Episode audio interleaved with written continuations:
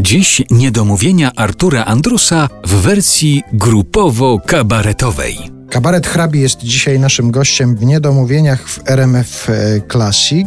E, zacytuję, zresztą to jest to cytat z tej książki, ale to jest też cytat z wypowiedzi Andrzeja Poniedzielskiego.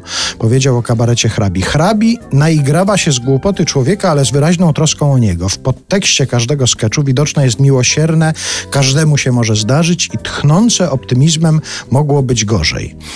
Bardzo poważna wypowiedź na temat... Ale piękna jest, cudna. Piękna. Bardzo się podpisujemy i identyfikujemy się z tym. Ale nawiązując do tej wypowiedzi Andrzeja, chciałem was zapytać, czy zdarzyło wam się kiedyś, że ktoś do was napisał albo przyszedł, powiedział, że dzięki wam coś się zmieniło w jego życiu? Tak. Bardzo często, Tak, tak, tak. i to naprawdę nie są odosobnione przypadki, kiedy ludzie przychodzą do nas po występie i mówią, że kiedy mają bardzo trudny czas, kiedy jest im ciężko, to oglądają nasze skecze albo na YouTubie, albo mają e, płyty DVD i to na nich działa antydepresyjnie. Właśnie, że jesteśmy czymś w rodzaju antydepresantu. Ostatnio Tak. podeszła do mnie w Lubinie pani i powiedziała tak, ja muszę pana przytulić, uściskać za to, że jesteście.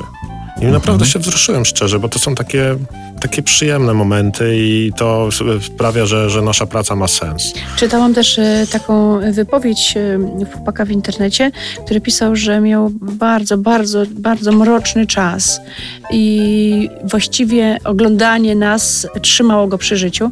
No to no, bardzo to dla mnie było wstrząsające.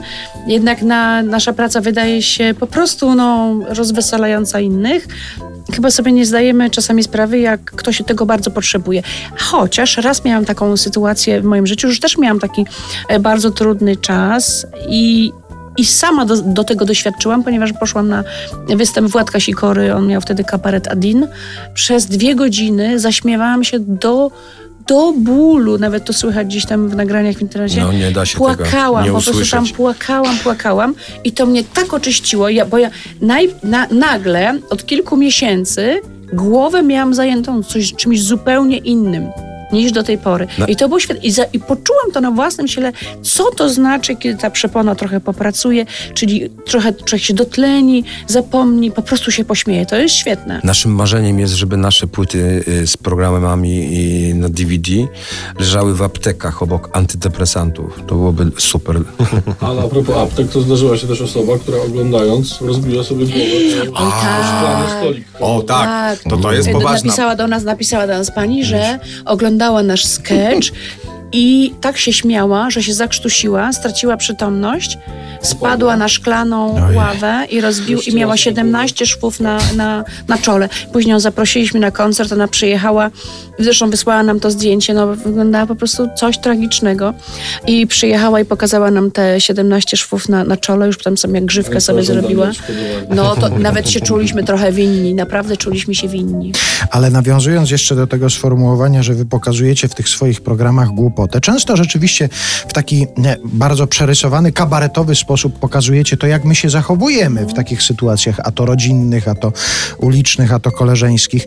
Nie zdarzyło się nigdy, że ktoś po jakimś, nie wiem, sketchu przyszedł i powiedział zrozumiałam albo zrozumiałem, że ja się tak samo zachowuję, już tak, nie Tak. będę. Ale ty wiesz co, to Tak, często tak, tak. mieliśmy program Kobieta i Mężczyzna, który jakby dotykał relacji damsko-męskich. Każdy sketch jakby omawiał jakąś specyficzną sytuację jakąś tam w relacjach i widać było po ludziach, jak siedziały właśnie pary, że akurat na przykład dany moment, że oni odnajdują jakiś fragment swojego życia, bo od razu było takie szturchanie, Kietkiem. takie pokazanie, pokazanie i od razu powiecie, zobacz, tak jak u nas, nie? Takie I porozumiewawcze. zauważam, że częściej, to nie jest tak, że ludzie przychodzą, o ja to mam, tylko częściej przychodzą i mówią, moja żona tak A, robi jak tak. pani, albo mój mąż tak robi jak pani, to, że to my tam mamy identycznie. Tak, mieliśmy taki sketch, że mm, kobieta biega po domu, pakuje wszystko do walizki, czarne rzeczy, bo na pogrzeb jadą i mówi cały czas Anka, tylko wszystko, Anka, Janka, tamto, tam, tylko wszystko, ty stoi, nic nie robi, tylko ja, wszystko ja, wszystko ja.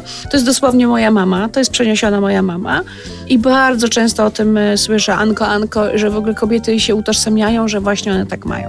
Zmieniają imię pod wpływem waszego sketchu. Ale Anko bardzo pasuje, Anko, Anko, tylko Anka to, Anka tamto.